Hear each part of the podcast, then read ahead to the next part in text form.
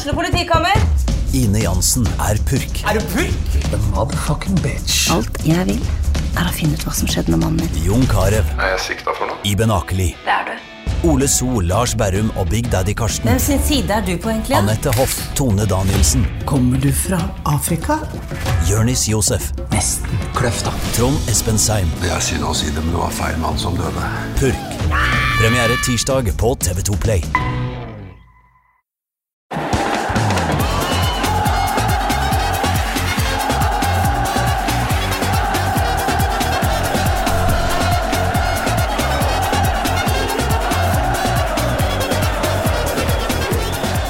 Noe av det jeg har sett på med størst øyne på YouTube siden nettstedet dukka opp, er videoer fra greske tribuner opp igjennom. Det er nesten så Tyrkia har virket som en mildere versjon av galskapen tilhengere av Aris, Paok, Panathinaikos og de andre har funnet på. Til og med landslagsfansen er kaklende gale. Bare søk opp Greek fans burn Waka og se hvordan de feirer en 1-0-skåring mot Russland. Sist helg var det omsider min tur til å oppleve dette på nært hold. Vi fikk tak i både raki og Sovlaki med smak i, og på stadion ble det både pyro og pivo. Jeg heter Morten Gallesen. Dette er Pyro Pivo nummer 97.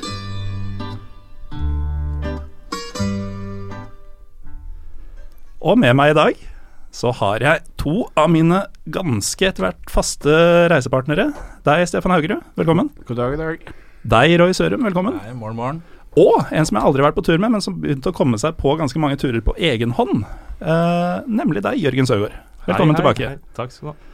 Dere har jo alle vært her før.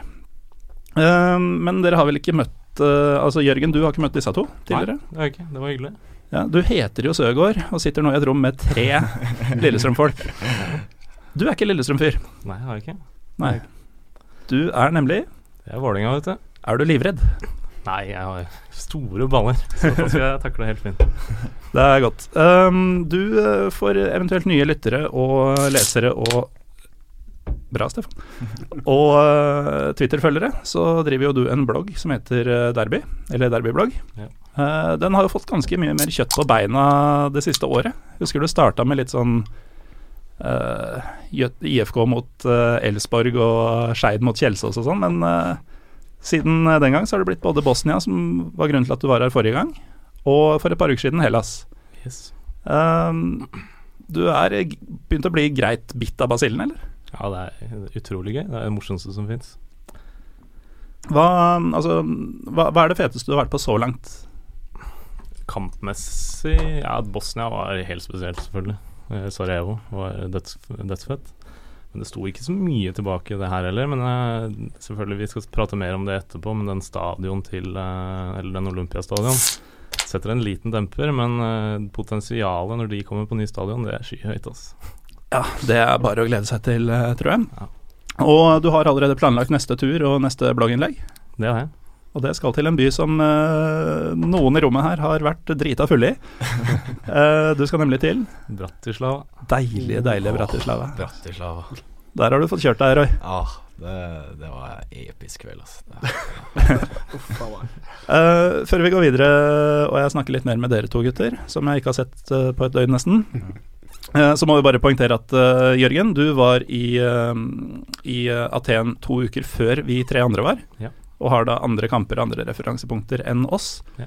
Uh, så Roy, du, har, du landa i går. Eh, Ja, det gjorde så også jeg og Stefan. Eh, Åssen har du det?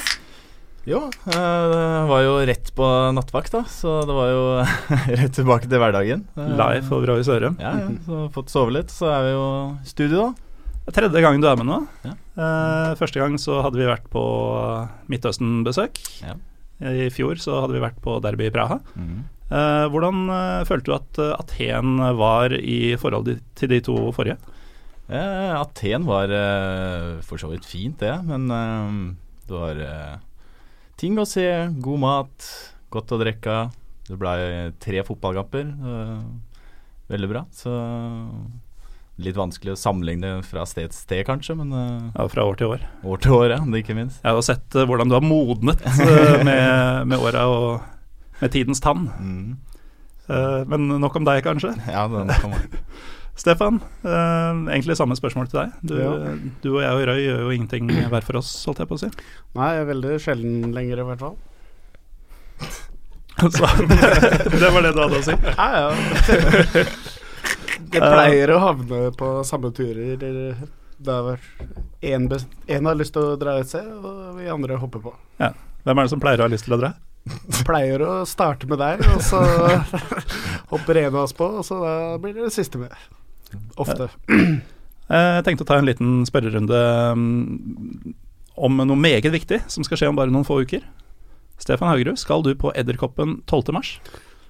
Ja, det må vel nesten bli en tur dit. Litt motvillig. Skal ikke alle Vi får se. Skal du, Roy? Ja, selvfølgelig skal jeg. Skal du, Jørgen? Det skal mye til for å stoppe det, i hvert fall. Ja, ja. Ja. Hva, er, hva er det som skjer på Edderkoppen 12. mars, Jørgen? Det er liveinnspilling av episode 100, ikke Det er det, ass. Og for deg som fortsatt ikke har kjøpt billett, så er det fortsatt mulig. Uh, Ticketmaster.no er stedet. Jeg har vært eh, faktisk og kikka på forholdene, som man gjør når man prøvespiller eh, i klubber eh, i dag. Og eh, jeg kan love dere at det blir dritfett. Det er en ordentlig intim sal. Og eh, jeg hadde med meg Trym, som har onde planer for hvordan vi skal dekorere og gjennomføre ting. Det blir godt å drikke av, vel? Det er full bar, Ja, okay. Ja. eh, til de som måtte lure på det. Så til eh, Aten. Eller ja, siden vi først er inne på det. Tre dager etterpå, eh, fredag 15. mars, da kommer vi til Bergen. Og jeg vet egentlig ikke så mye om hva vi skal gjøre der ennå. Vi skal være på Bergen offentlige bibliotek som vanlig. En fredagskveld som vanlig. Det er gratis å komme inn som vanlig. Og eh, jeg spurte på Twitter om eh, hva dere bergensere vil ha av tema og gjester. Ikke fått veldig mange svar på det, så dere kan skylde dere sjøl hvis, eh, hvis det blir meg og Trym. Så til Aten. Ja. Um, først, um, Roy. Yes. Du viste deg å være ganske dreven på historien i Aten, mye mer enn det jeg var. Hva, hva var dine forventninger til, til byen Aten før du dro? Eh, jo, vi dreven, veit ikke om jeg skal si dreven på historien, men uh, vi i hvert fall eh, Du knakk meg på noe Ja, ja, årstall, i hvert fall. Vi uh, hadde, eller, vi hadde i hvert fall tenkt å se, se litt uh, opp på høyden her, på Akropolis. Så det var i hvert fall en av måla utenom fotball og fotballkamper og mat og drikke. Og da, på vei opp, så var det vel litt breia som vanlig. Nevnte noen årstall. Og bomma litt. Du nevnte vel egentlig et årstall først, Ja. uh, og så lo jeg av deg og sa at du bomma med 4000 år. Ja. Og så gikk vi tre meter lenger og så en plakat hvor det viste seg at uh, jeg bomma med 4000 år da jeg sa at du hadde bomma med 4000 år. Du var spot on. Så. Betyr det at du visste masse om Aten på forhånd, eller hadde du flaks? Det tror det var noe sånn derre Litt rann info jeg hadde litt gjemt bak i bakhodet fra Ja, bakerst fra Som ble tvingt inn på skole en gang. Så jeg tror det var litt blanding av flaks og ja, uh, underbevisst info der. Men uh, jeg traff. Jeg traff ganske Du bra. traff på den. Ja. Uh, Stefan, hva slags eh, tanker og forventninger gikk du til eh, Gikk du på flyet med? Altså Kampene selvfølgelig én ting, men eh, hvis vi holder oss til eh, Hellas og Aten by. Nei, altså Gyros var jo det jeg kan om Hellas. liksom. Gyros og tribuneliv, det var det jeg håpa på. Og det er det, det, det vi fikk òg. Det, det er noe av det vi fikk. Jørgen, som, eh, som erfaren blogger blitt etter hvert, så er jo du vant til å sette deg inn i ting. Eh, antar at du kanskje hadde litt, eh, litt dypere kunnskapsgrunnlag enn oss andre eh, før du dro til Aten? Eller, for du valgte jo Aten av Var det bare tribunelivsgrunner, eller var det mer? Jeg har prata med en AX-supporter på internett i ett og et halvt år eller noe sånt nå. Siden før bloggen uh, dukka opp, eller? Ja, det var vel i forbindelse omtrent, vel. Mm. Jeg begynte å fiske litt etter noen kontakter og sånn eh, mens jeg holdt på Eller mens jeg sådde det frøet, da, for å si det sånn. Eh, men eh, Så det var egentlig det som gjorde at jeg skulle til Aten, og at jeg skulle se AEK hjemme. Mm. Det var det det gjorde. Så um, det, det var litt sånn tunnelsyn, det er fotball- og tribunekulturen som trekker. Ja, det var jo det først og fremst det. Men eh, du, jeg visste jo de standardtingene om Aten, selvfølgelig. Gammel Mm. by, viktig i Romerike og, og sånne ting. Mm. Ja. Og Gyros og Mytos. Jeg har jo vært mye på de greske øyene, men aldri Aten. Alle har jo det, trodde jeg, bortsett fra meg. Ja. Eh, meg. Det viste seg at du heller ikke hadde vært i Hellas, eh, Stefan. Og jeg må innrømme at eh, jeg har vært mye i området rundt, altså Tyrkia og disse jugoslaviske landene og sånn, men det var begrensa hva jeg satt inne med også. Så det var gyros, og det var mythos og Ja, egentlig ikke så mye mer. Uh, Akropolis-høyden. ja, Moussaka. Ganske skuffende den moussakaen jeg spiste siste kvelden for øvrig. Jeg hadde en kjempegod en, faktisk. Ja. Jeg dro derfra og tenkte at jeg lager bedre sjøl, men uh, I'll put my money where my mouth is, eller hva det heter. Men uh, matchene, da. Du hadde selvfølgelig store forventninger, uh, Jørgen. Uh, til tross for at du visste vel at kampen skulle gå på dette grusomme Olympiastadion, som vi skal inn på snart. Jeg visste jo at det ikke kom til å være optimalt, for jeg visste at det var løpebane og en altfor stor stadion. Men at det skulle være så dårlig, det visste jeg ikke. Nei, for det stadionet, det, det skal vi gå nærmere i sømmene om litt. Men Roy, du har jo etter hvert sett noen forrykende fotballkamper rundt omkring du også. Jeg kunne nesten drive blogg. Men uh, hva, hva, tenkte du om kampene vi skulle se?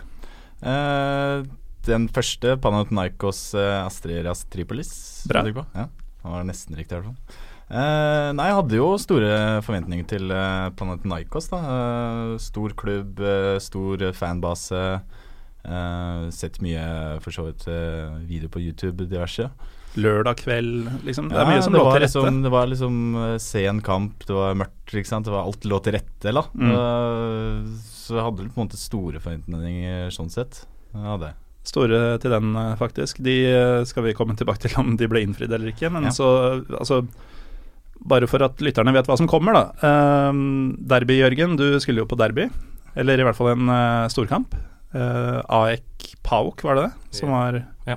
Mm, som var det store trekkplasteret for din del. Mm. Uh, for vår del, uh, romerikinger, så var det jo da Olympiakos mot AEK mm. som, uh, som, var den store rosinen i pølsa, som man sier. Ja. hvorfor det er positivt, veit jeg ikke. men forventningene dine, Stefan? Altså, Panathinaikos tenker man jo kanskje mer som en bonus, men Ja, altså Panathinaikos, vi skjønte, visste jo det at det ikke kom til å bli det Vi, vi trodde kanskje at det kom til vi, vi, trodde det skulle bli bedre enn det det var. Mm. Uh, men vi forsto jo det at når du har en stadion som tar 60 000-70 000, eller hva Jeg tror det er over 70. Ja, er over 70. Og, og mm. da blir det Da skjønte vi at det, det kom til å bli ganske glissent. Men, men at det skulle bli så ille som det det blei, det hadde jeg ikke trodd at det skulle bli. Ja, for vi kan jo, Du har jo sett en toppkamp uh, på samme stadion, Jørgen. Vi så en ganske uh, uinteressant en, også tabellmessig. Mm. Så vi kan jo sammenligne litt uh, hvordan vi opplevde Olympiastadion, og kan kanskje starte med oss som hadde den kjipe Altså, jeg, jeg, blir nesten dårlig bare av å tenke på det. Altså. Man tar metroen langt ut av byen. føltes i hvert fall langt. Ja, det var nokså. Um, så det, det, er litt sånn utilgjengelig i utgangspunktet. Det regna da vi var der, det skjønte jeg at det ikke gjorde for deg, Jørgen. Din, uh, Men altså, så må du gå langt. Og så viste det seg at vi hadde jo glemt å ta ut penger Eller vi hadde ikke tenkt på å ta ut penger i minibank, fordi vi tenkte at det er jo Olympiaparken, ikke sant. Det må jo være masse greier der. Det var jo ingenting. Ligger jo helt i ødemarka. Vi spurte noen lokale sånn Eastern ATM. Ja, måtte ta banen ja, de, eller en annen stopp for å ta ut penger hvis vi trengte. Og banen gikk hvert kvarter eller noe sånt. Måtte jo skrape sammen til å få en uh, raki, blant annet. ja, og det, det, ble jo en lifesaver etter hvert. Men det, det, altså, det, er ikke noe mat og ikke noe drikke annet enn sånn tilfeldige kremmere som sto med handlevogner med noen sandwicher eller potetgull eller noe sånt. Ingenting i mils omkrets og ingen fasiliteter på stadion. Altså Dassene måtte du ut av portene for å komme til. Det var og så var den mindre intim enn Nadderud. Ja, det var jo løpebane, og de hadde prestert å legge var det trestegbane utapå. Ja, og det sjuke er jo vollgrav rundt der igjen. Det, det var uh, Ja, det, vi var så langt unna. Så vi satt jo bare Vi satt jo på sånn rad 10 eller noe sånt og tenkte at på langsida tenkte at dette må jo være krembilletter. Mm. Det var jo ikke snakk om å se noe som helst. Nei, Til og med Ja, altså Nei, det, når vi sier at den var mindre intim enn Nadderud, så mener jeg det. Ja, da, da, da, Helt enig. Uh, heldigvis da, så var det jo noen lokale kremmere, som sagt, som uh, For det var iskaldt også da det regna på oss, og, og, taket tok jo ingenting for øvrig. Nei, nei det, det, det, så fint ut eh, litt sånn på utsida, men mm. det var så mye annet her, så mm. det var det mye som mangla. Så det var Ja. Um, for vår del så var det jo Jeg har ikke sjekka her faktisk, men det kan ikke ha vært mer enn 4000-5000 der, i beste fall. Nei, var, og spredt rundt omkring på Ja, ikke sant. Kanskje mindre. Uh, men Jørgen, du hadde jo Altså, fasilitetene er jo de samme, men du opplevde kanskje ting litt annerledes enn det vi gjorde. For dette var uh, ordentlig tristesse. Jeg opplevde mye av det samme, selvfølgelig. Det var, uh, det første, jeg var jo der sammen med han grekeren, han som bor faktisk rett borti veien. Han bor i det Nea Philadelphia-området hvor AEK er fra. Ja. Uh, og det første jeg spurte han om, var jo om det var en klubbsjappe, f.eks., hvor jeg kunne kjøpe en eh, effekt av noe Mm. slag. Uh, så han spurte noen politifolk som sto utafor stadion der, om det var mulig å komme inn og få kjøpt noen effekter. For det var jo på innsida av stadion, noen sånne campingvogner. Ikke sant? Det er ikke noen egen butikk eller noen ting der. Nei. Så det måtte vi vente til vi kom inn på stadion med å gjøre. Og da spurte jeg er det noe sted vi kan få oss noe å drikke, noe å spise, hva som helst. Nei, det er ikke det heller. Nei, ingenting. Ja, Altså. det var rart. Så det, det er et dårlig opplegg. Men uh, Men du kom, Har arrangert noen OL for Ikke sant, det er jo ganske nyoppussa til uh, Var det 2004 de hadde Mm. OL i eh, Aten? Altså, Mm. Det er jo i moderne tid. Dette er jo på den tida Viking stadion ble smelt opp, og, og det var byggeboom i Norge. Altså, sånne ting som uh, VIP-fasiliteter og sånn, det er ikke helt i pyro og pivo-ånden, men eh, dette stadionet hadde virkelig ingenting. Nei. Altså, du løser billett og går gjennom telleapparatet, og hvis du da Da har du ikke noe annet enn selve tribunen. Det er ikke en kiosk. Rett ut, rett ut på tribunen. tribunen. Hvis du skal på toalettet, så må du ut igjen. Og når du skal inn igjen, så er denne billetten er skanna igjen. Så da måtte du begynne å Ja, men jeg har vært i det, jeg har vært på toalettet. Og så ok, så begynte de å sende deg rundt i disse Jeg skjønner ikke hva de har tenkt på. Altså. altså IOC sine eh, formelle krav til et stadion er tydeligvis ganske mye slakkere enn Fifa og Uefa sine. mm. Um, men eh, og, og, og i tillegg da til alt dette her, så har du da setene i sånn der blass beige farge. Altså Kunne det ikke det minste vært hvite og blå, sånn som uh, folk tror at alle hus i Hellas er? det er krise, altså. Men eh, vi fikk jo svært få tilskuere og lite stemning. Det, det blir jo 1-0 til Panathinaikos forholdsvis tidlig, Mm. 20 minutter inn eller noe sånt, ved en eh, tidligere Hapoel-spiller. Ja, ja, apropos vår tur til eh, Israel, som dere kan høre om i episode 20, tror jeg det var. Uh, Jørgen, det var litt flere folk på AEK Paok, vil jeg tro. ja, det var uh, han Petros, som han heter. Han uh, mente på forhånd at hvis uh, AEK vant den siste kampen før de skulle møte PAOK, så i tippa kommer det kom til å bli solgt i hvert fall over 30 000, 35. Men Mm. eh, jeg så jo på tallene at det var ikke mer enn 25. Nei. Men det er vesentlig mer enn 5, selvfølgelig. Hvordan eh, altså, Hadde de låst av den øverste tribunen i det minste, sånn at eh, folk ble pakka litt rundt banen, eller var det litt ja, sånn den øverste var helt tom, ja. Ja, det hjelper jo litt på, det. Ja.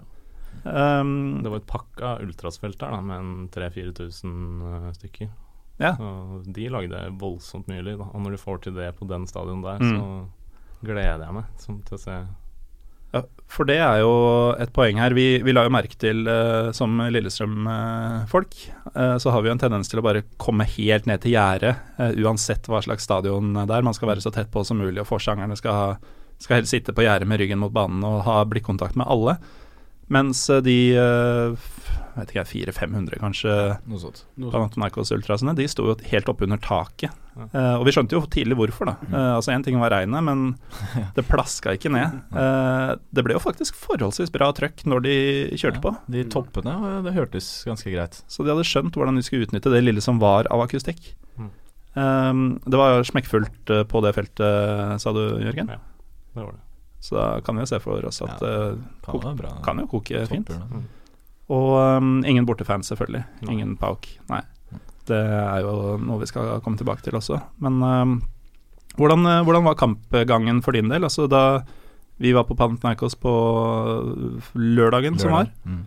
så skårer de tidlig 1-0-mål og holder egentlig det i en ganske dritt fotballkamp med dritt uh, uh, ramme rundt. Ja. Uh, heldigvis da hadde vi disse gamle kara som gikk rundt og solgte øl og raki illegalt Ja, eh, fint. som, som holdt liv i oss. Men kampens gang må ha vært litt annerledes på dette brennhete derbyet, Jørgen.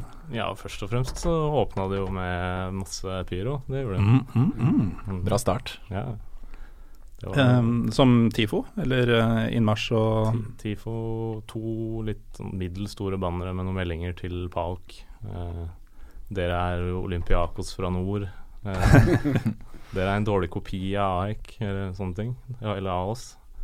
Ja, for eh, det kan du jo faktisk ha en historisk grunn til å nevne. Jeg vet ikke hva som kom først av AEK og PAOK. Det var AEK. Begge er jo stifta i um... De er faktisk stifta i Aten, begge klubbene. Nei. Jo. Nei. Men de har samme opphav fra en klubb med grekere i Konstantinopel. Er det sånn det funker, ja? Jeg trodde begge var stifta i uh, Konstantinopel. Ja. PAOK er stifta i 1925 Ja, da kan det ikke være som AEK Tessaloniki Og når ble AEK stifta, da? året før. Ok, så ingen av dem er faktisk fra Istanbul, sånn Uh, Nei. Nei. Det jeg har lest, så står det at det er noen bakmenn fra den samme klubben i Mm. uh, Konstantinopel som har starta begge klubbene. Aha. Ja, det, dette er ny info, er ny eh, info, boys. ja. Nå leverer du, Jørgen. Det er bra. Men uh, litt sånn halvveis TIFO og masse pyro, sier du? Eh, masse pyro. Mm. No, ikke noe voldsomt med TIFO, nei. Nei. Noen meldinger, bare. Og uh, så satte kampen i gang. Trøkket var ganske bra, sier du? Trøkket var bra. Uh, AIK leverte ganske bra fra start, men uh, PAOK tok mer og mer over og virka bunnsolide, egentlig. Mm. Så jeg så egentlig ganske tidlig at dette blir tøft. Eh, og så tok de jo ledelsen, og jeg har aldri hørt en så stille fotballstadion noen gang. Sånn, Der kunne jeg eh, hørt en knappenål eh, falle. Altså. Ikke sant. Ja. Men uh, det gikk seg til? Eller det tok seg opp, i det minste? Ja, de fortsatte jo egentlig å ha full kontroll. og jeg kom til noen innlegg og sånn, men de stanga bare alt ut igjen og hadde full kontroll. Men uh, så fikk jo uh, Pauk rødt, eh, sitt andre gule på samme Mm. mann eh, ti minutter før pause. Og da jevna det seg litt ut, eh, men eh, i andre omgang så kom jo PAOK eh, ut og la seg egentlig ganske bakpå. Og da var det De fortsatte jo bare å stange ut og stange ut det som kom, men til slutt så kom gode Ezekiel Pons, Ponse. Ponce, ja. Han skulle skåre to uker etterpå også. Mm. Uh, så de knabber ett poeng mot slutten. Mm. Aik. Mm. Og da ble det trøkk, eller? Det ble kjempetrøkk, ja. Ble det De kunne fort ha vunnet som man sier? 2-1 nå. Kunne ha snudd kampen. Mm. Men, eh, jeg mener nok de burde være fornøyd med resultatet. Hadde ikke det røde kortet kommet, så levner jeg dem eh, svært få sjanser. Mm. Men, eh, Som de fleste andre lag, Pauk står jo i skrivende stund med jeg tror det er 19 seire og to uavgjort, ingen tap. Mm. Så de er jo noen hestehoder foran de andre. Mm. Eh, vi skulle jo også se Pauk etter hvert, eh, Stefan og Roy, men eh, vi, vi, vi er ikke helt ferdig med eh, med dette Olympiastadionet. Altså. Nei? Var, var, var det noen lyspunkter, Roy, på, Eh, på Olympiastadion? Lyspunkter, ja. Jeg drev og tenkte litt på det når jeg skulle Det bluss. ikke Nei, to bluss og en røykbombe. Bokstavelig talt lyspunkt. Ja, ja det, det var to bluss, en uh, kald røykbombe. Det var en fyr som satt og kjedet seg litt på gjerdet, tror jeg. Ja, og han ga faen. Ja, han ga rimelig faen, ja. Han satt i, helt åpenbart på gjerdet så langt uh, mot banen du kommer, da, bare sånn 30 meter unna antagelig. Mm, bare 30 meter, ja. Cirka. Og um, ja, veiva med denne lilla Det er jo ikke en røykbombe engang, det kom så lite røyk. Nei, jeg vet ikke helt hva det var. Det Men Og rosa røyk òg, tror jeg. Men uh, altså ingenting ved selve stadionet som verken hadde sjarm eller som man kan sette pris på. Nei, det var jo en uh, koselig mann da som drev og løp rundt der og skulle selge oss raken. Uh, det varma jo uh, ganske greit. Bokstavelig talt. Ja, bokstavelig talt. Så fikk vi se han Macheda ute på banen der. Ja, så vidt. Han uh, Det gjorde lite ut av seg. Men, eh, Uh, men Jørgen, du som tross alt så en stor match og kanskje maksa ut det man kan oppleve på dette bedritne anlegget. Går det an å sette pris på fotball der? jeg, satt jo mest og tenkte på Tenk hvor fett dette her blir på nye stadion. det gjør jeg. Men uh, det var overraskende høyt nivå på fotballen her, syns jeg faktisk. Mye høyere enn jeg forventa. Ja, ikke sant. Mm. Um, så kanskje Trym Hogner hadde rett i at det er galskap å sammenligne gresk og sveitsisk uh, nivå. ja, kanskje topplaga i hvert fall. Ja, ja, det er sikkert stor Det er forskjell, stor forskjell på de laga der, tenker jeg. Men uh, skal vi se her um, Asteras var jo motstander da vi um, Da vi uh, så dem, uh, Roy og Stefan. Og jeg har gravd litt og funnet ut at uh, deres klubbpresident, uh, Georgios Borovilos, han har vært involvert i ganske mye. Han uh, er uh, Han var involvert i en dommerskandale uh, mellom Panathinaikos og Olympiakos i 2000. Okay. Han var involvert i form av at han var dommer. Han var dommer. Han var dommer, eh, og nå er han eh, president i eh, Asteras, som eh, visstnok er en eh, relativt godt drevet klubb, Um, som egentlig bare har gjort seg gjeldende de siste ti åra omtrent.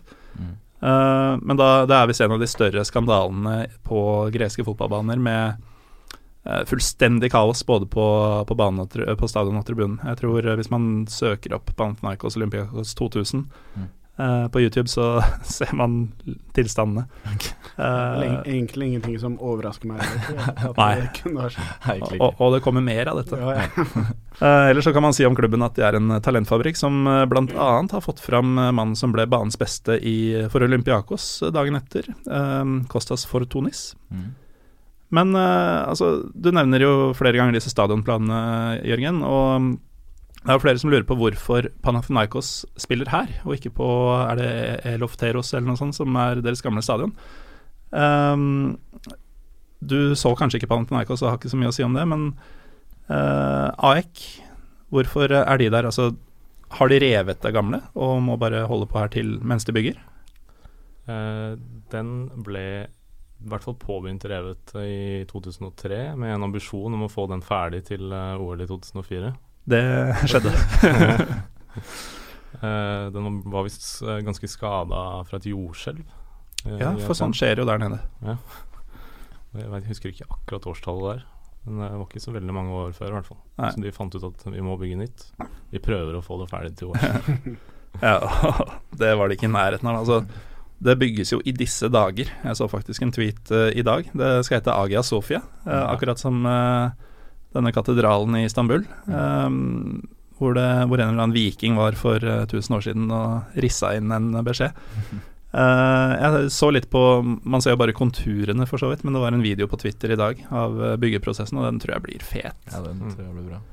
Uh, Så det er bare å glede seg. Når det gjelder Panathinaikos, da, så kan jeg svare på mitt eget spørsmål. For um, vår gamle gjest uh, Jorgos, hvis etternavnet jeg ikke skal prøve meg på engang, han har hjulpet meg litt med researchen her. Og ehm, det er en krangel mellom eh, breddeklubben som eier stadion. Uh, for Panathinaikos er jo mer enn en fotballklubb. De eier det gamle stadionet, og fotballklubben, den profesjonelle fotballklubben skylder penger til breddeklubben uh, for leie eller bruk, eller hvordan det er. Uh, og um, det har da igjen ført til en krangel mellom eieren, er det vel, av uh, Panathinaikos og uh, holdt på å si resten av klubben, fordi eieren bare slutta å betale eh, på det nye stadionprosjektet som, som uh, breddeklubben tydeligvis hadde investert i. da Så det er bare full Det er egentlig bare satt på vent, da, egentlig. Ja, litt sånn evig vent, virker det som. Ja, ja. Og skal det sies da at de um, i 2010 solgte 33 000 sesongkort uh, da Panathinaikos også spilte på Olympiastadion, så det har vært andre tider, og det kunne sikkert sett annerledes ut hadde Panathinaikos vært uh, en mindre sovende kjempe. Ja, det er mener med at på en måte hadde liksom forventninger til ha hørt alt dette her og Ja, vi vokste jo opp med at de var suverene, ja, i hvert fall jeg. sånn- Ja, det var litt, kanskje litt derfor, da. Ja, ja. Og det er jo fortsatt sånn nummer én eller nummer to-klubben uh, i antall fans i, uh, i Hellas, så det var utrolig skuffende å, å se dette her. Mye fans utafor Hellas òg, mener jeg har lest. Eh, ja, kan godt være. Mm. De, Og alt som er av øyer og alt, så holder ja. du enten med Pantenaikos eller Olympiakos. Ja. liksom- ja, fordi de to, og kanskje til dels uh, Paok, uh, er nok litt sånn typisk de tre store i Eller de er litt sånn Glasgow Celtic, de er litt Fenerbahçe, Galatasaray, Besjiktas. at de bare favner alt, da, fordi det er ingen andre å snakke om. Mm. Røde Stjerne, Partisan. Mm. Uh, litt eh, der. Eh, men det skulle gå en dag, uh, og da havna vi på Georgios Karaiskakis stadion. Uh, og da tenker jeg, etter å ha sett Olympiastadion eh, for eh, svært få tusen eh, dagen før, at kanskje moderne fotball ikke er så ille likevel. Ja, det var, For dette var jo state of the art. Eh, var det også dagen etter derby at du eh, dro på Olympiakos eh, Det var dagen før. dagen før? Ja, Ja. jeg Så- prata med en Olympiakos-supporter som sa det at eh, Jeg spurte hvor mange kom, er det som kommer til å komme i dag mot uh, Panionios, da, som de spilte mot da. Mm. Uh, og da sa han ja, det blir uh, nesten fullt, men uh, hadde dette vært på en søndag, så hadde det vært fullt. Så det kan ha hatt noe å si for dere på Olympiastadion òg, at det var, søndag er jo en bedre dag for, eh, for dem. Ja, eh, og det er fordi de har jo ikke den der todagershelga som, som vi har nødvendigvis. Jeg tror ikke de reiser på hytta på fjellet heller. Nei. Men eh, altså her eh, snakker vi, for her er det strøken beliggenhet eh, tett, altså nabo med T-banestoppet. Mm. Effektivt moderne opplegg, liv og røre rundt stadion, masse mat og drikke, masse puber, kafeer, diverse. Um, en eim av røyk, Ja. kan man si, utafor puben. Mm. Um, kunne virkelig suge til seg stemning. Uh, vi kan begynne med deg denne gangen, Jørgen, som så en mindre kamp uh, på dette stadionet enn det vi gjorde. Uh, hvem var det Olympiakos møtte? Panionios. Panionios. Så det er jo et derby, det òg. Ja, det er jo Aten-klubb. Ja. Kanskje ikke all verden å rutte med fra bortefansen der heller, men uh, I motsetning til AIK og PAOK, så er jo Panionios faktisk stifta i, i Tyrkia. ja, I, så det er jo i uh, Izmir, Mm, faktisk. Akkurat som Apollon Smyrna, som vi skulle se dagen etter dette igjen. Men nå må vi ikke blande korta altfor mye. det blir mye. Um, ja, hvordan um, Hvordan uh, opplevde du uh, dagen i uh, Pireus? Eh, Veldig bra. Jeg tror jeg var på samme pub som dere. Ja, ikke bare tror, vi slo jo fast dette. Ja, Du sendte det. en melding da jeg drev og Insta-storya for harde stykker liv. Rett ved siden av hverandre, vel. Mm. Ja, så det, Uh, denne um, Rocking Bulldog, som vi fikk, Bulldog, ass. vi fikk anbefalt av en lytter, faktisk, som er uh, greker. Ja. mm. Og som helt åpenbart var Olympiakos-fan. Han sa at det var en uh, Gate 7 uh, tidligere leder som eier puben. ja, ok. Så det var ikke, noen, uh, var ikke tilfeldig at det var mye lyssky typer uh, som, uh, som trakk dit, uh, Jørgen. Uh, nøt du en iskald fiks uh, mens du varma opp? Ja. Fikk seilas. Ja, for det var jo liksom uh, noen uh, øltyper som uh, Det er ikke bare Mythos. Det er, uh, det er vel egentlig tre. Og, ja, De det, de solgte jo Mytos der, men det var det ingen som kjøpte. Mm. Alle eh, drakk fiks. Mythos, Fix og Alfa er de som du får overalt. ja. Så var det et som het Pilshella så, tror jeg, som vi drakk. Ja, ja, stemmer det. Ja. Den så vi bare der. Ja, det var, Aldri i butikken eller noe. billig øl òg, på puben der. Ja, altså det geniale her eh, Jeg vet ikke hvor folksomt det var eh, da du var der, Jørgen, men det var jo fullt da vi kom. Ja, Sto i Eh, gatene, så. Så du kunne jo velge da om du ville gå inn i den tette befolka puben som var en faktisk pub med kraner og sånn, eller gå til han fyren som hadde et kjøleskap i åpningspartiet og bare kjøpe en boks Mm. uh, og stå ute. Uh, vi gjorde det siste, og den kosta 1,5 euro Ja, var for en halv liter. Mm. Det, det var fint, altså. Ja. Mm. Um, men um, siden dette var mer en vanlig seriekamp eh, for dems del, eh, Jørgen, åssen var livet utafor og oppladninga? Det var eh, fullt på alle de sitteplassene inne på den puben, eh, men det var jo nesten ingen som sto, og det var ikke noe kø i baren, så det var jo Mm. et helt annen, en helt annen dag enn det dere var der. Ja, for vi dro litt paralleller til eh, parken utafor uh, Shukru Sarajolo i Istanbul, Roy. Ja, det, det var en deilig følelse, faktisk. Mm. I hvert fall etter dagen før. Og Ja, komme dit, og du så sola titta fram. Og, Sola titta fram, du så han eh, ene som hadde med seg ungen sin. Uh, Ja. Gamlekaren som sto der med pyro i hånda og Akab-caps bak fram. Og det, ja, så kidden hadde, Kid- ja, hadde pyro i hånda ja, ja, ja, og den capsen på. Så De drev og fora denne ungen der da med, med, med bluss, eller hva det var for noe. Og sto der med capsen bak fram. Ja, morsomt. Der skal man tidlig krøkes, altså. Um, vi, vi må nesten si litt om billettkjøp, forresten, før vi går videre her. Um, vi um, dro jo litt sånn vi, hadde, vi visste jo at det var masse ledig på Olympiastadion. Nå har vi gått en dag tilbake igjen.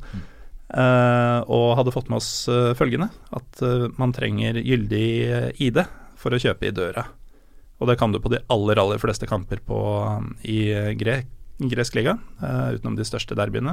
Tydeligvis kunne man det på det ikke helt utsolgte derbyet du var på, så, Jørgen. Men uh, skal du på match i Hellas, med mindre det er Olympiakos som spiller hjemme, og det er en storkamp, så bare ta med deg passet ditt og møte opp, så går det bra. Uten pass så får du vel ikke billett.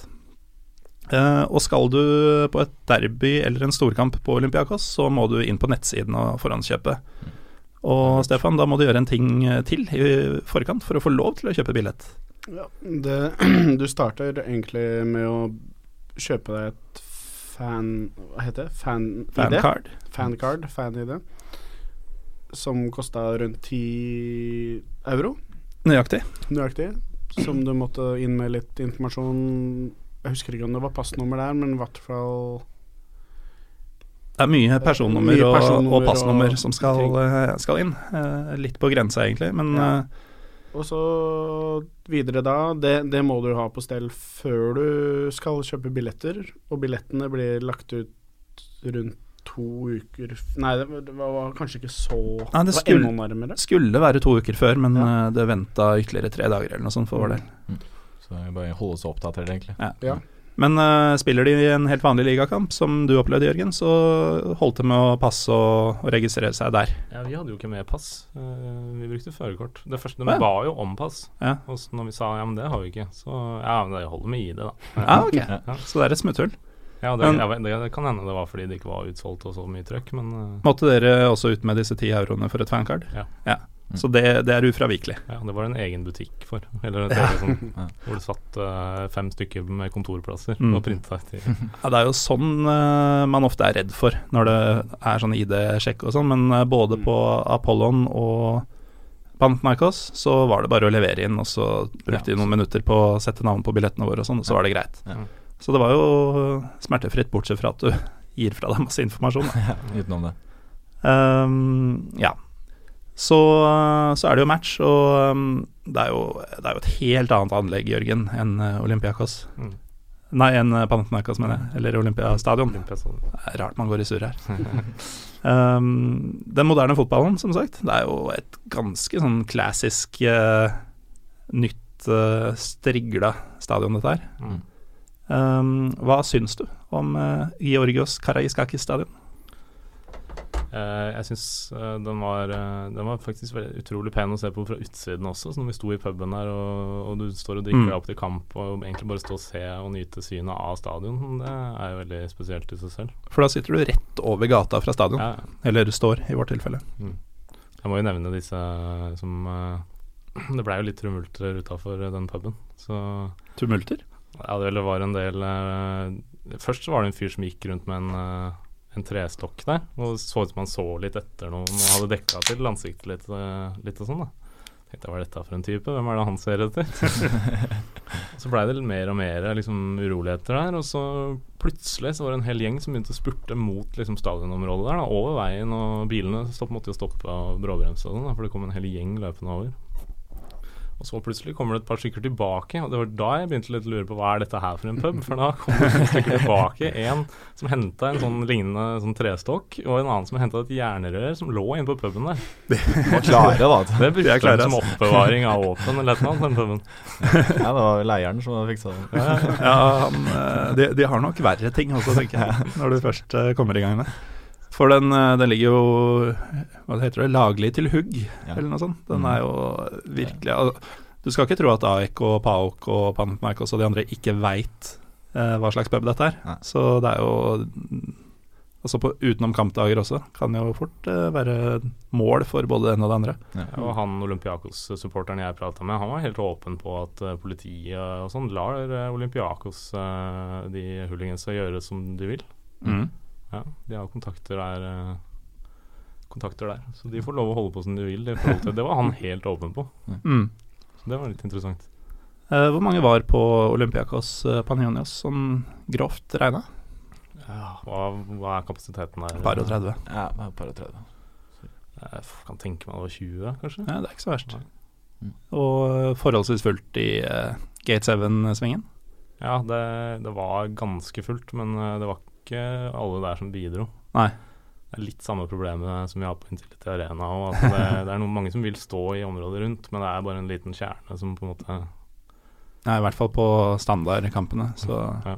merker man godt hvem som er stemningsturister. Ja, Mm. som er ivrige. Det var litt sånn der òg, altså. Mm. Bare en kjerne i midten som sto for flagging og det meste av synging. Sånn er det jo eh, i praksis overalt, da. Mm. Um, til og med denne gule veggen i Dortmund, så ser du jo ganske tydelig Mm. at det slutter å hoppe og sånn. eh, Ja. ikke så veldig langt opp og ut heller. Er midten og ganske nokså langt ned der som er mest ivrige. Mm. Og bare Den kjernen var skuffende liten, egentlig, men det har jo selvfølgelig sikkert med motstanderen å gjøre. Men Kan være. Kan jo være.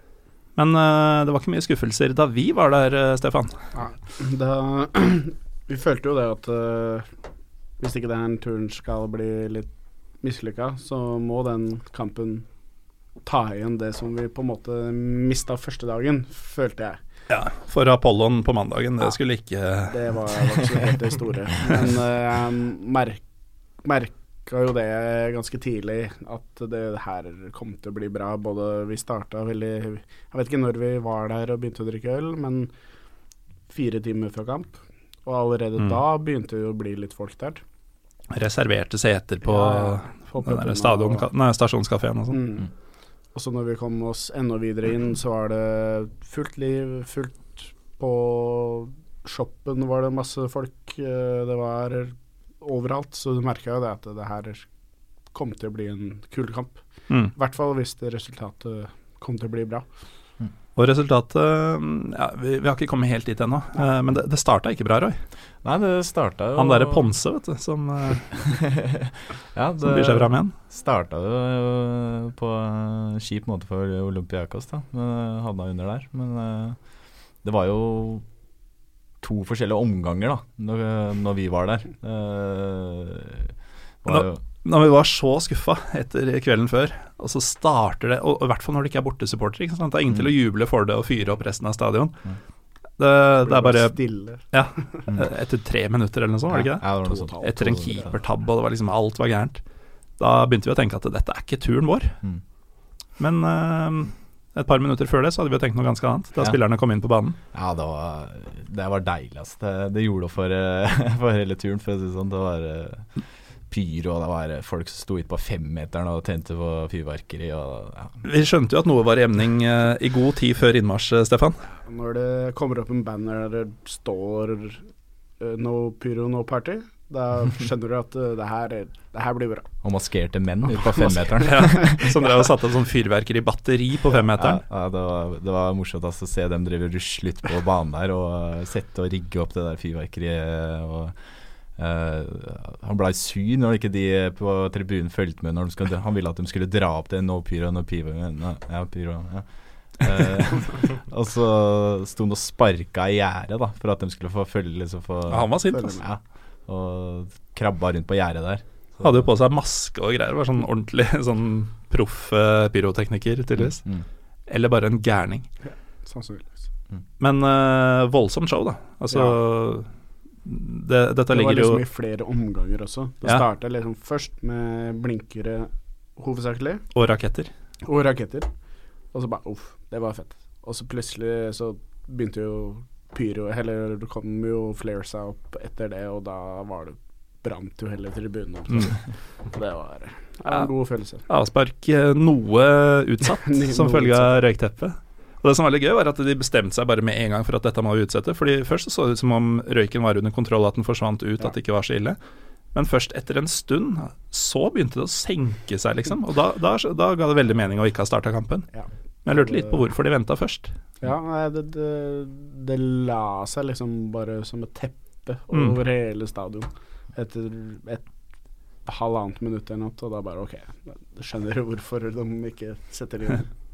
Solgte de øl på Olympiakos eh, Panionios, eh, Jørgen? Nei, jeg var ikke så ivrig på det, men de gjorde det jo på Olympiastadion. Ja.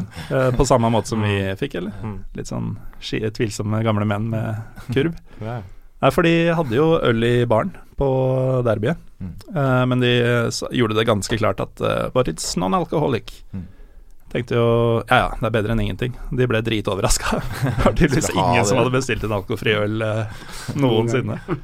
uh, men eh, det litt herlige er jo da at uh, i kiosken på stadion, på et derby, høy risiko i hele pakka, no alcohol.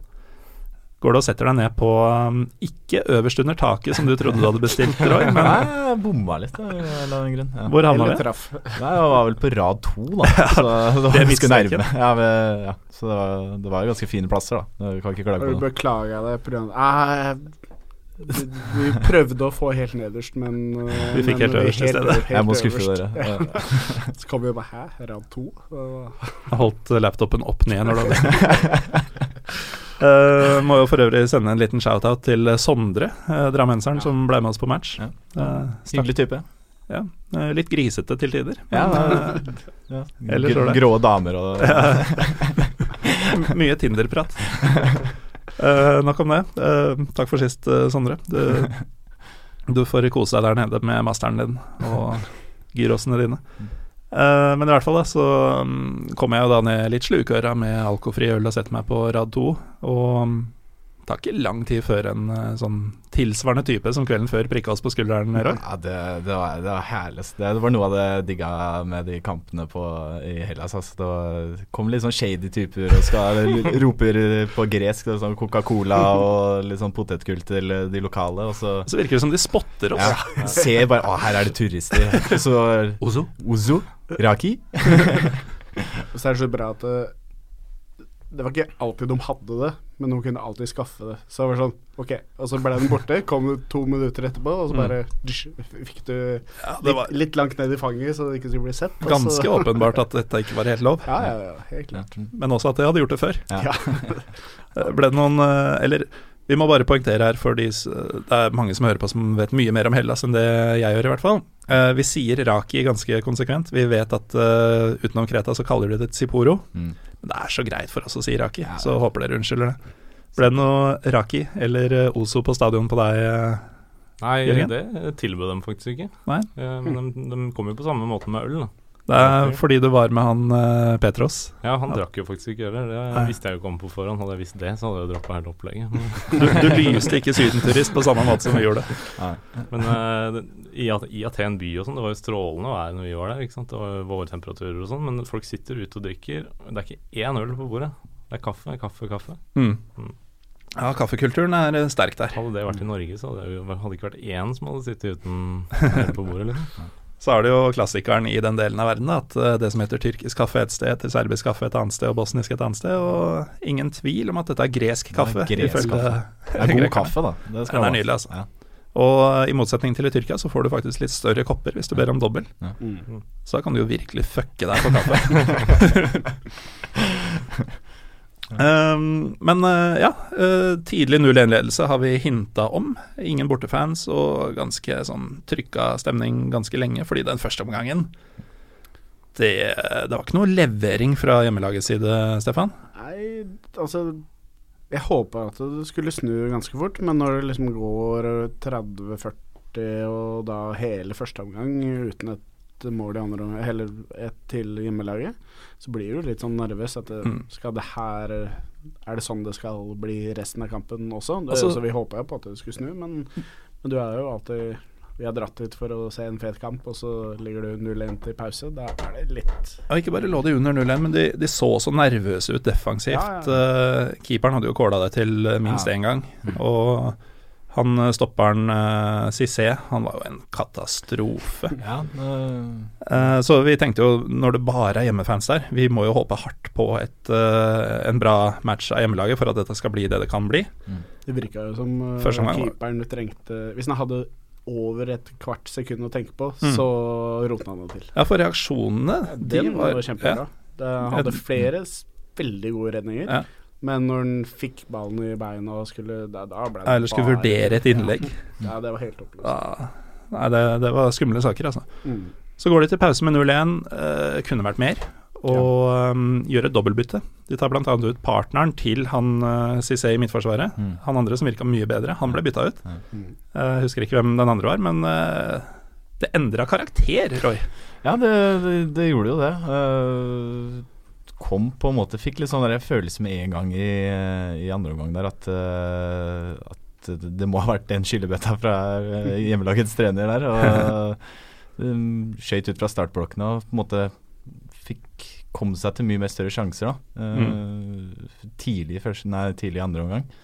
Uh, og det klarte de jo fint. Det, Ja. ja. Det, det ble noen skåringer. Det skulle bli både- én og to og tre og fire Ja. før eh, kampen var over. Eh, Noen flotte angrep, og eh, jeg trodde jo denne høyrebekken Torosides la opp etter EM i 2004, men han var jo helt rå Han var overlegen. Han, var- Han dribla alle på ræva hele tida. Opp og ned, fram og tilbake. Det var, han var overalt, faktisk. Og um, ja, jeg, jeg husker ikke, ble det noe mer pyro enn det vi så til innmarsjen, eller? Altså vi, vi har jo vært med på noe pyroshow gjennom Årenes løp. Eh, men jeg, jeg ble like imponert at Å ja, de har det igjen, ja. Ok. Og så, så kom det et mål til, og så ble det enda mer. Og så kom det tredje mål. Så var det Altså, vi fyrer jo bare alt med en gang. Derfor vi er ikke sikre på det blir noe mål. Men de, det kommer jo en 10-15 bluss hvert eneste mål. Og når det liksom er fjerde målet, så hadde ikke vi hatt igjen noe, egentlig. Ble nesten lei av det etter hvert. Nei, ikke akkurat, men, men det var fyring eh, både det var vel til kampslutt òg, vel. Så det, det, Mm. var jo Nei, eh, de har hatt med seg mye bluss inn. Kanskje de allerede hadde det på stadion og har et lager der. Mistenker nesten det. Altså. At de bare gikk og henta mer når det ble tomt. Ellers ja. tror jeg ikke det er vanskelig å få inn noe på greske stadion. Nei, det er det, altså. Hvordan var uh, kroppsvisiteringa på matchene du dro på, Jørgen? Den var ikke til stede. Nei, det var slakke greier. Kompisaktig klapp på ryggen eller Ja. noe sånt. Det var eh, stort sett det vi Jeg, som var redd for at jeg ikke skulle få inn GoPro-kameraet mitt. Det- var ikke noe fare. Jeg har sånn lang, klønete mm, sånn eh, nødlader Mm. som fort kan kjennes ut som et bluss, eller til og med et slagvåpen av noe slag, hvis du bare kjenner sånn kjapt på. Um, de toucha borti det på kanskje én av de tre kampene, og ga helt F i det. Mm. Eh, så man skjønner jo åssen disse folka kan selge raki på stadion. For Ja, å si ja. det sånn. Jeg tror ikke det er vanskelig å få inn noe som helst der. De kommer med bæreposer.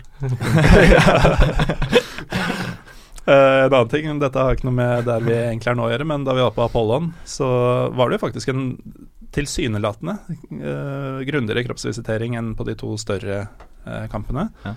Men da de sa et eller annet til meg på gresk før det var min tur, og jeg bare sånn «Eh, Sorry, what? Så bare spurte han ene snuten meg sånn What are you doing here? «Uh, I'm ground hopping.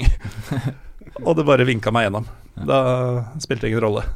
Da, da var det greit. Men de foran meg ble faktisk patta litt ordentlig. Ja, så Det- på den kampen der så var det jo faktisk politiet som hadde kroppsvisiteringa på Ja. den eh, siste. Og det viste seg jo også at vi hadde kjøpt på PAOK-tribunen uten å vite om det. Ja. Uh, Så bortefans får kanskje en litt annen behandling, men ikke veldig forskjellig behandling. Um, men uh, kampen gjorde virkelig opp for uh, kvelden før, da. Ja. Kan vi slå fast. Det kan vi så godt uh, slå fast, ja. Eh, men altså, når man ser hva Olympiakos har på plass allerede, og hvor langt unna både Panathinaikos og til dels AEK er en, en ordentlig løsning Hvordan skal de kon kunne konkurrere med Olympiakos, eh, Jørgen? Hva tenker uh, AEK-vennen din om, uh, om framtida? Nå vant de jo for så vidt i fjor, men de ligger et stykke bak igjen nå. Eh, nei, ja, de har jo slitt med å konkurrere i mange år nå. De, har jo noe Olympiakos har jo en vanvittig antall eh, seriemesterskap. Mm. Så, men det er ikke bare det sportslige som er utfordringa her heller, da.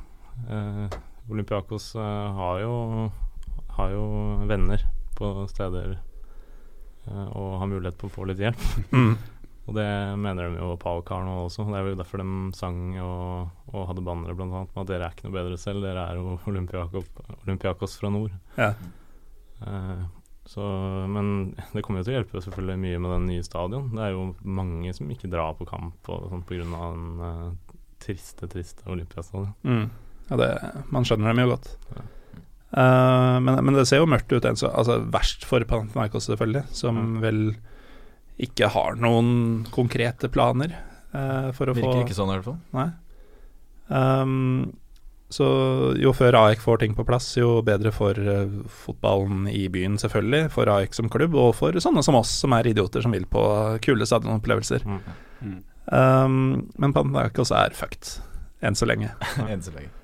Uh, så du en tredje kamp, Jørgen, eller ble det mer Sovlaki og sånn eh, resten av turen? Nei, det var ikke så mye mer tid til det, for jeg var jo en dag mindre enn dere òg. Mm. Var fra fredag til mandag. Du tar dem ofte litt sånn tight. Ja, jeg gjør det. Ja. Kamp, eller turene dine, altså. Jeg må spre feriedagene mye, vet du. Ja, skulle vært lærer, vet du. Eh, men vi så en tredje kamp, eh, Stefan. Ja. Vi har jo vært inne på det allerede. Men eh, det jeg trodde var eh, tyrkerkampen. Men uh, Jørgen tilbakeviste min idé om at PAOK var uh, stifta i Istanbul. Uh, Apollon uh, Smyrna mot uh, PAOK fra Thessaloniki. Mm. Vi eh, så ikke for oss en jevn kamp. Nei, altså Når Apollon hadde ni poeng før eh, denne kampen, og Pauk hadde 52 54. 54 og var ubeseira før kampen, så skjønte vi det at uh, hvis det her blir noe spennende i det hele tatt, så vil jo det her være Nei, vi hadde ikke noe tro på at det der eh, skulle bli en spennende kamp, da. Nei. Og det ble det jo ikke heller. Nei, men vi, vi var jo litt spente på hva slags klubb eh, Apollon var, da. Fordi det var uh, mye graffiti, og stadionet ser uh, forholdsvis stort ut. Det er ikke noen løpebaner, det var liksom sånn intimt. Det mangla en kortside, riktignok, og det var slitent. Mm. Og de trangeste setene på denne siden av Ryanair. Eh, men det var jo ikke noe problem, for vi kunne jo bare ha beina på setet foran. Det var ikke så mye folk. Det var egentlig ganske deilig. Men eh, det er visst en klubb som, eh, som var vesentlig større før, da. Og det, man ser jo litt konturene av at det har vært noe der. Nå var Det det var en ganske kul stadion, sånn Det var det. utseendemessig. Gammel klubb òg. Mm. Ja. Mm. Eh, hvor gammel da, Roy? Jeg mener jeg leste opp til 1891, at det var stifta Ja, 1891. jeg tror også det er noe sånt. Mm. Eh, Eldgamle greier. Ganske passé nå, da. Fungerer visst, eh, eller har visst tidvis fungert nærmest som en farmerklubb for eh, Panathinaikos. Um, og de, de skal visst være en av de renere klubbene i gresk sammenheng nå. Uh, Visstnok, men du, må, du må se det i gresk målestokk, da. Ja. Fordi uh, rundt sesongstart så var det en um, tidligere midtstopper, Valerian, Valerian Ismail, uh, som var trener. Eh, jeg tror det var i slutten av um, august, så sa han at uh, nå opphører forholdet mellom meg og Apollon, jeg kan ikke jobbe sånn her. Han fortalte blant annet at uh, presidenten hadde trua han. Og han uh, trakk seg da rundt seriestart uh, pga. at ledelsen blanda seg inn i spillervalg, altså kamptaktikk, alt mulig sånn. Mm. Sånn kunne han ikke jobbe. Uh, tidligere så har Laurie Sanchez vært uh, trener der, og han var heller ikke overvettes imponert over den åpenlyse kampfiksinga i landet. uh, men dette er da en ganske rein klubb i, i gresk målestokk.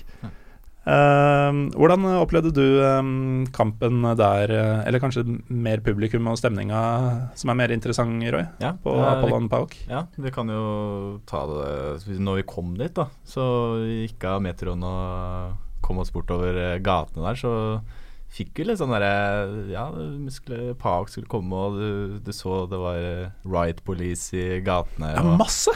ja, vi måtte jo gå sikksakk mellom de der eh, politifolka med skjold og hjelmer og våpen og Det lot de oss gjøre. Ja, Vi sto i sånn klump på et altfor trangt fortau. Og vi kunne liksom sånn skumpe borti dem med skulderen og bare snegle oss gjennom. Ja. Det Ja, så vi fikk Det litt, var intenst. Fikk litt sånn forventninger når vi gikk bortover gatene der, egentlig. Mye bortefans, tenkte vi. Ja, tenkte, Og så så vi all graffitien og tenkte kanskje det er noe hjemmefans også. Ja. Det kan bli litt intenst. Men da, var- det var eh, Ja, intenst vet jeg ikke om det var, men uh, det var i morsomt å se. Liksom, fikk liksom sett graffiti, og det var liksom gammel, gammel stadion. Og kom oss inn der, og Raki mannen dukka opp. Raki mannen dukka opp, var borte et par minutter, så kom han tilbake med Hadde vi Raki i fanget. Og eh, ja, vi blei jo bortesupportere etter hvert, så vi sto jo med Paok. eh, ja, så det var jo veldig bra. For det var der det var liv. Ja, i den grad det Ja. var liv. Ja, ja. det Men nok- det så ut som det var bedre på den siden enn på andre sida. Ja, disse Det- såkalte ultras Apollon eh, gadd ikke å dukke opp før kampen, selv om banneret hang der. Eh, Det var vel ni stykker eller noe sånt ved innmarsjen, og fikk, fikk en 10-15 kids med seg Ja. i tidlig første gang. Så, de, overlevde det. ja, så det var sånn 20 stykker, og du hørte bare barnestemmer. Ja. Uh, mens det var mer sånne gamle, utflytta tessalonikere antagelig, som sto og sang litt ved anledning Ja. på, på vår side av stadion. Ja. Litt rart at vi havna der, i og med at vi kjøpte billetter i luka På andre sida. Mm. ja, av, På, i hjemmeboden, liksom. Ja. Eller i boden til Apollon. Og de spurte jo oss også, Ja. når vi kjøpte billettene, ja, når om vi var PAOK, så sa vi vi er nøytrale. Mm. Og da Ja, bare sender dere til PAOK. Vi så bare sett oss på langsida. Men det var jo bare to langsider, så Mm. det var vel kanskje derfor. Ja. Jeg vet ikke. Men det var jo hell i uhell, da, fordi var- den, eh, den ventede ujevne kampen, den blei jo ikke noe jevnere enn vi trodde. Nei 2-0 etter ni minutter og 3-0 etter en halvtime. Og Det ble, ble en del mål der etter eh, bortelaget, men eh, hjemmelaget fikk jo Fikk satt inn en i kassa der, dem òg. De gjorde det. Det var vel bare niende skåringa deres for sesongen eller noe sånt. Så det, de er så ræva, altså. Um, men um, 5-1 ender det jo til Paok. Um, vi kjente igjen ett rop fra bortefansen. De ropte på Ivan Savidis. Eh, dette er da mannen med pistolen som, eh, som var på banen eh, ja, forrige vinter, må det ha vært. Ja. Eh, tydeligvis dritpopulær. Og vi, vi traff jo Vasilis på puben dagen før. Denne middelaldrende metal-gitaristen som var Pauk-fan. Ja, stemmer. Kunne fortelle oss at Ivan Savidis han var en populær mann. Han eh, har penger, og de pengene er nå eh, Pauk sine penger. Og man, han, hva var det han sa for noe? De hadde kjøpt en spiller for 18 millioner euro eller noe sånt, som ikke spilte engang, som sitter på benken. Han ga oss aldri det navnet, men eh, det var jo ganske tydelig at eh, det, det er jo faktisk en del navn på dette Pauk-laget som man kan kjenne igjen. Eh, hva er det han heter, han eh, engelske Chupa Akbom, eller noe sånt? Mm.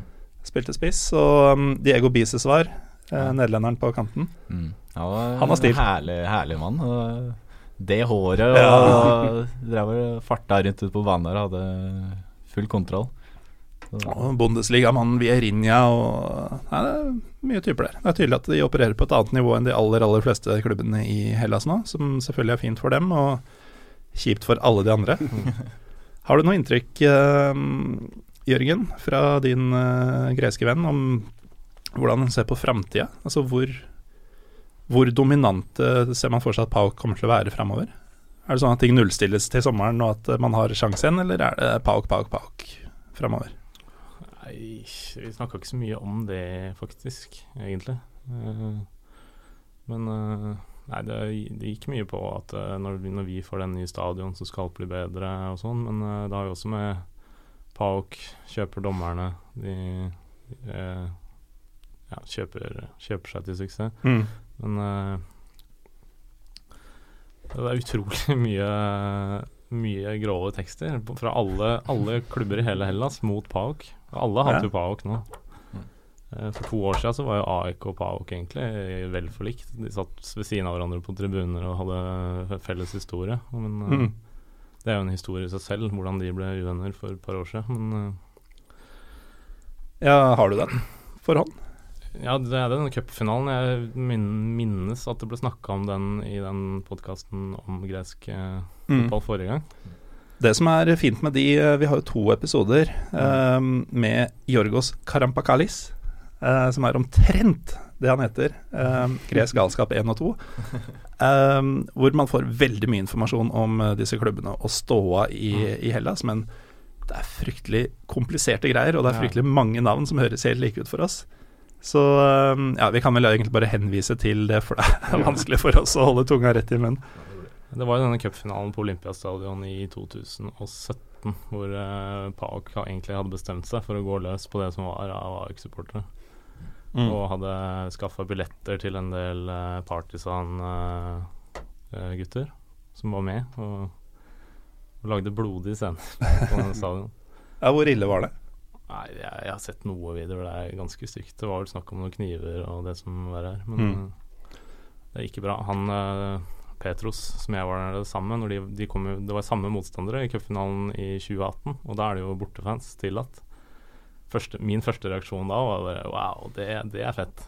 Dit, eh, der skulle jeg vært. Mm. Bortefans på den kampen. Ja.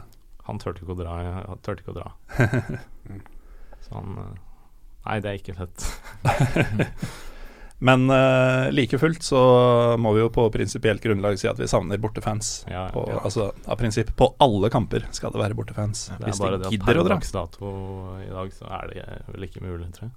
Ikke i det oppgjøret der, i hvert fall. Jeg har ikke full Nei. oversikt på de andre, men I hvert fall ikke når det, altså, som vi har etablert, er så lett å få med seg hva man vil inn på stadion. Ja, ja, ja. Altså, Ta sikkerheten litt uh, du kan beefe opp sikkerheten litt, grann, tenker jeg, og så, så er det jo gjørbart. Det er jo mulig. Altså, man har jo sett så mye til. Man har jo sett verre ting bli gjennomført. Ja, ja. Men, men. Um, vi eh, har jo nå gått gjennom vår helg eh, ganske greit, eh, Roy og Stefan. Er det eh, vi, vi må jo snakke litt om uh, Aten by, og uh, folk som eventuelt skal dit for, for Ja. De skal dit selvfølgelig for fotball hvis de hører på oss, men uh, de skal gjøre noe annet også. Ehm, hva vil du anbefale folk å få med seg i eh, Aten? eh, skulle de ta en helg der, eh, Jørgen? det er disse turistfellene, kan du si. Du, du må jo se det på nært hold, selvfølgelig. Mm. Jeg hadde en utrolig fin leilighet og gjennom Airbnb hvor jeg hadde utsikt mot Akropolis-høyden der, og det var strålende sol. Det var jo veldig fint. Mm. Opp og titte på det, spise litt gyros, og gjerne ta noen båtturer ut til disse øyene og sånn. da, Få med seg det òg. Jeg tror det holder med noen dager i Aten, så kan du dra ut på disse øyene. Ta en ferie etterpå. Da du kan begynne Mm. ferien din i Aten. For uh, ferjer ut i øyene de går jo da fra Pireus, som er uh, der Olympiakos holder til å komme fra. Og det er lett å, um, lett å komme dit med banen. Mm. Uh, veldig effektivt og oversiktlig metrosystem for Veldig øvrig, fant vi ut. Uh, og billig. Ja, vi betalte vel ni euro 9 euro. for fem dager Ja. på banen. Og de uh, ni euroene, de uh, gjorde Altså, vi, vi tok ikke én taxi vi, i løpet av de fire dagene. Bare til leiligheten først, uh, første dagen. Ja, fra flyplassen, og det var jo Ja, forhåndsordna var med forhånds. Airbnb-Bertha. Um, så uh, ja, det er jo først og fremst Akropolishøyden som man må se, og så er mer ting kanskje å suge inn atmosfære, mat og drikke spesielt. Mm. Ja, Overraskende god mat, syns jeg. veldig, veldig god. I fellesferien så er det visst eh, grusomt varm, varmt og altfor mye folk, så det er vel eh, lurt å dra utafor de, de verste tidene Det er ikke så mye fotball i fellesferien. Nei, det er det. Nei, ikke sant, så bør egentlig ikke dra noe, Det noe er sted jo enda, enda et argument for å Bruk heller penga på aircondition i leiligheten din her, i hvert fall hvis det skal bli som i fjor. Um, ja, så man må få med seg Akropolis og eventuelt ta seg en uh, tur ut på sjøen, er det du sier? Ja, jeg tror det holder.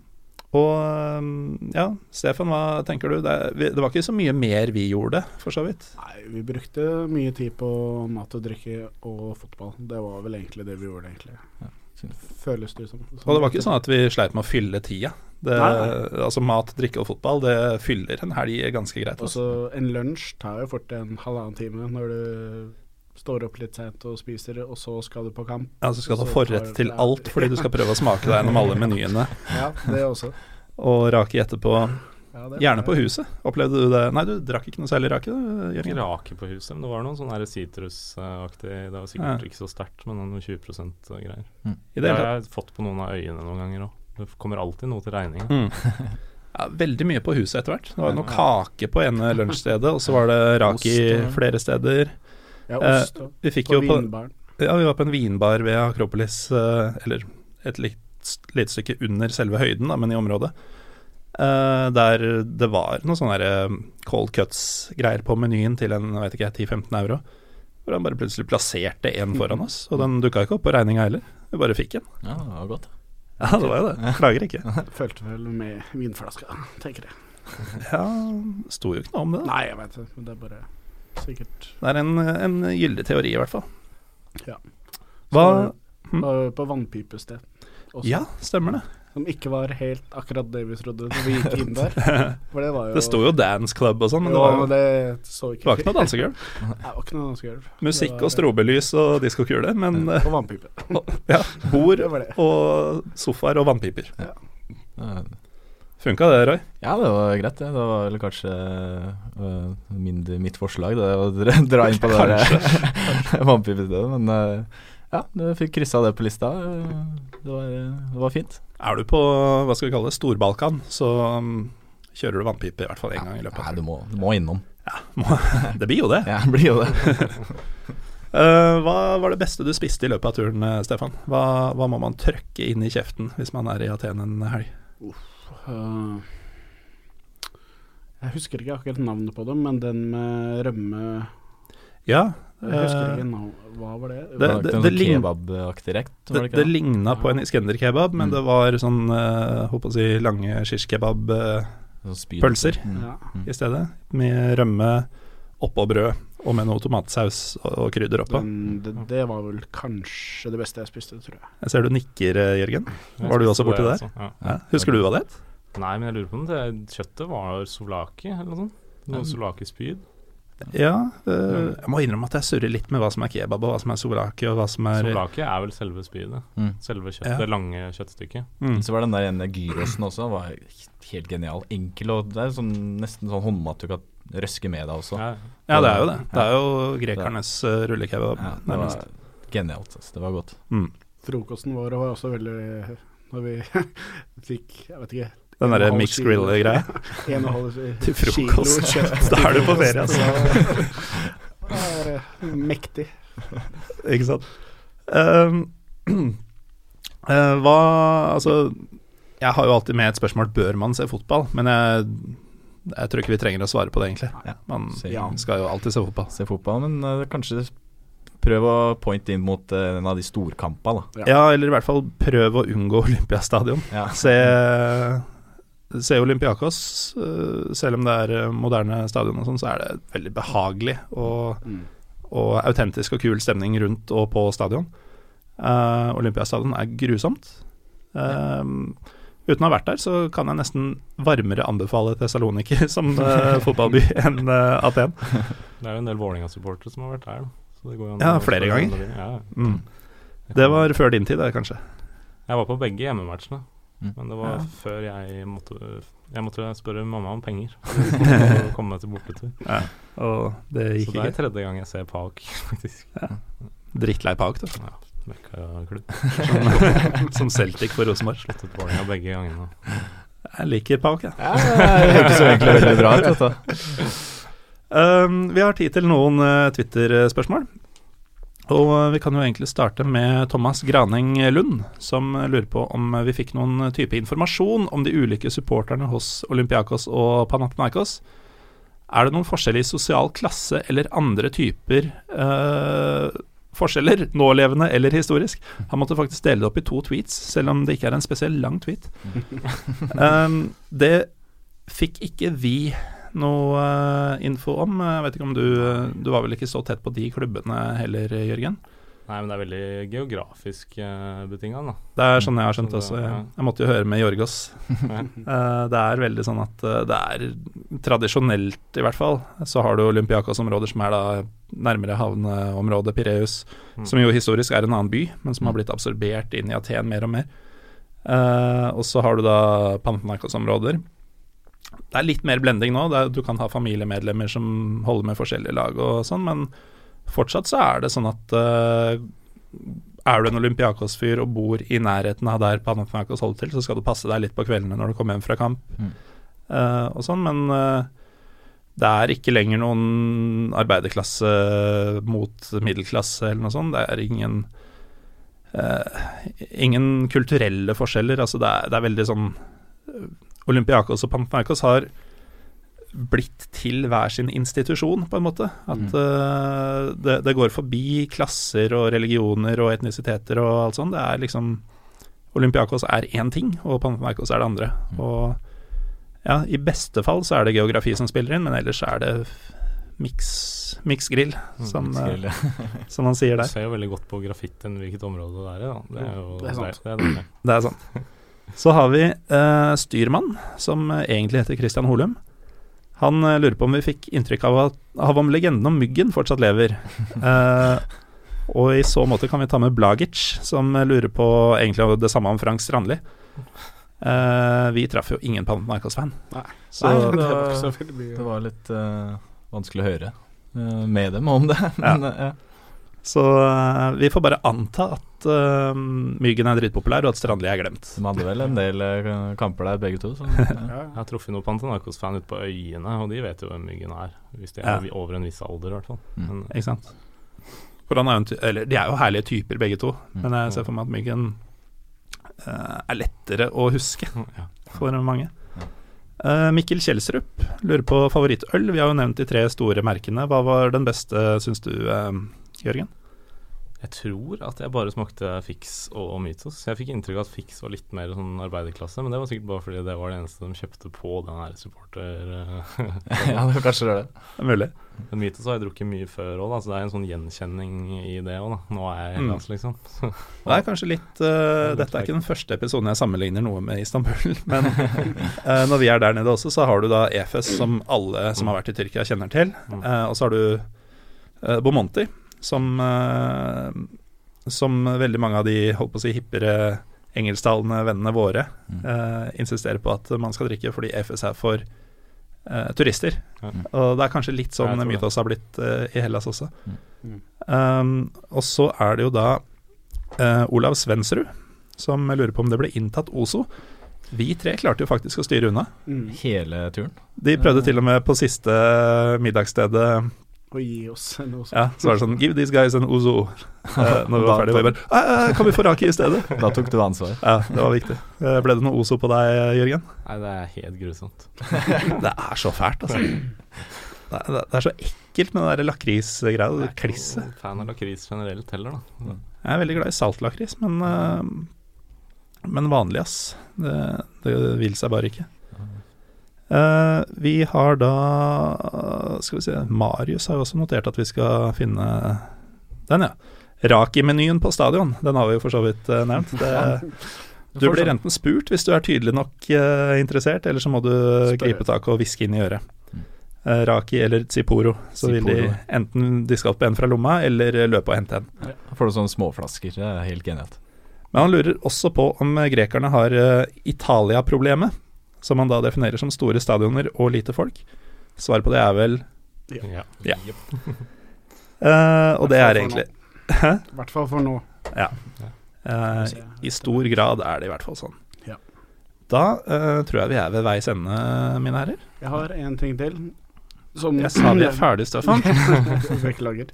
uh, hvis man har tid, og hvis det ikke er noe annet fotball, så ser det også helt rått ut å se basketball i disse, den byen. Fordi vi så jo noen bilder fra var det Panathinaikos mot Olympiakos tre dager før vi kom dit, Stemmer. som så helt, helt rått ut. Mm. Og det har vi sett. Det er også litt Mm. av det samme som vi har sett eh, på tribunefilmer i år etter år, til- år etter år. At det ser helt rått ut. Så hvis man finner ut at eh, det ikke er noe fotball, så er det mulighet til å sjekke Kurvball. også. Kurvball, ja. Her har du jo et viktig aspekt. Altså, for stemningas del, dette foregår jo innendørs. Mm. Enorm akustikk. Du trenger ikke å være redd for regn eh, eller løpebaner eller noe sånt. Eh, sporten kan man tenke hva man vil om, men vi har vært på noen basketkamper i utlandet Ja, ja. etter hvert, faktisk. Og det er jo gøy, selv om vi driter i sporten. ja, ja, helt klart. Eh, og, Så bluss innendørs. I. Hellas gjør de til og med det. Så, så det er verdt å, å sjekke ut, faktisk, selv om du ikke er interessert i, i idretten. Uh, og en annen ting er jo at både Serbia, Tyrkia, Hellas er i europatoppen i, Mm, ja. i denne idretten. Så du får jo en helt annen, uh, Mm. et helt annet nivå på ting. Um, når det er sagt, så vil jeg si takk til deg, Jørgen Søgaard, for at du var med. Takk for meg. Og både for at dere var med, og for turen, uh, Stefan og Roy. Takk for at dere var med. Takk, takk. Takk for det. Og så må vi rette en spesiell takk til Jorgos Karampalakis ka, faen. Jorgos Karampakalis Uh, og Øyvind Rusten for tips, råd og informasjon før, under og etter turen. Øyvind er jo han som uh, loste oss gjennom hvordan man skal bestille billett til Olympiakos. Ja, det, Det trengtes. det trengtes ja. Han oversatte noen tekster på tribunen for meg òg, faktisk. Ja, han er, han er en ressurs, altså. Han burde alle følge. Rusten7 tror jeg det er uh, som er handelen hans på Tweeta. Det var så bra når han Petro snudde seg mot meg og sa vet du hva, nå synger de faktisk ikke om moren eller Ja, for det er en hendelse på, på derby, tror jeg. At de synger om noe annet. Uh, vi hørte jo dette Malakka, Malakka hele tiden, uansett om ting gikk bra eller ikke. Og Det minna meg om da jeg var på Ujpest i uh, Ungarn. Da var det basmeg, basmeg, basmeg. Det betyr jo i praksis fuck. Og det, det, er, det er sånn ja, På norske tribuner så bruker man jo faen i annenhver setning, også, uansett om det går bra eller ikke. Det er jo litt horesønn og sånn. Så. Ja. det skal være sånn. Med det så runder vi av. Um, så vil jeg også si takk til alle som har kjøpt billett til Edderkoppen 12.3. Har du ikke gjort det ennå, så er Ticketmaster.no alltid åpen. Og til dere som bor i Bergen, vi kommer til biblioteket deres fredag 15. mars, og det koster deg ikke ei kløyva krone å komme! Jeg heter Morten Gallesen og er tilbake med mer Pyro og Pivo neste uke.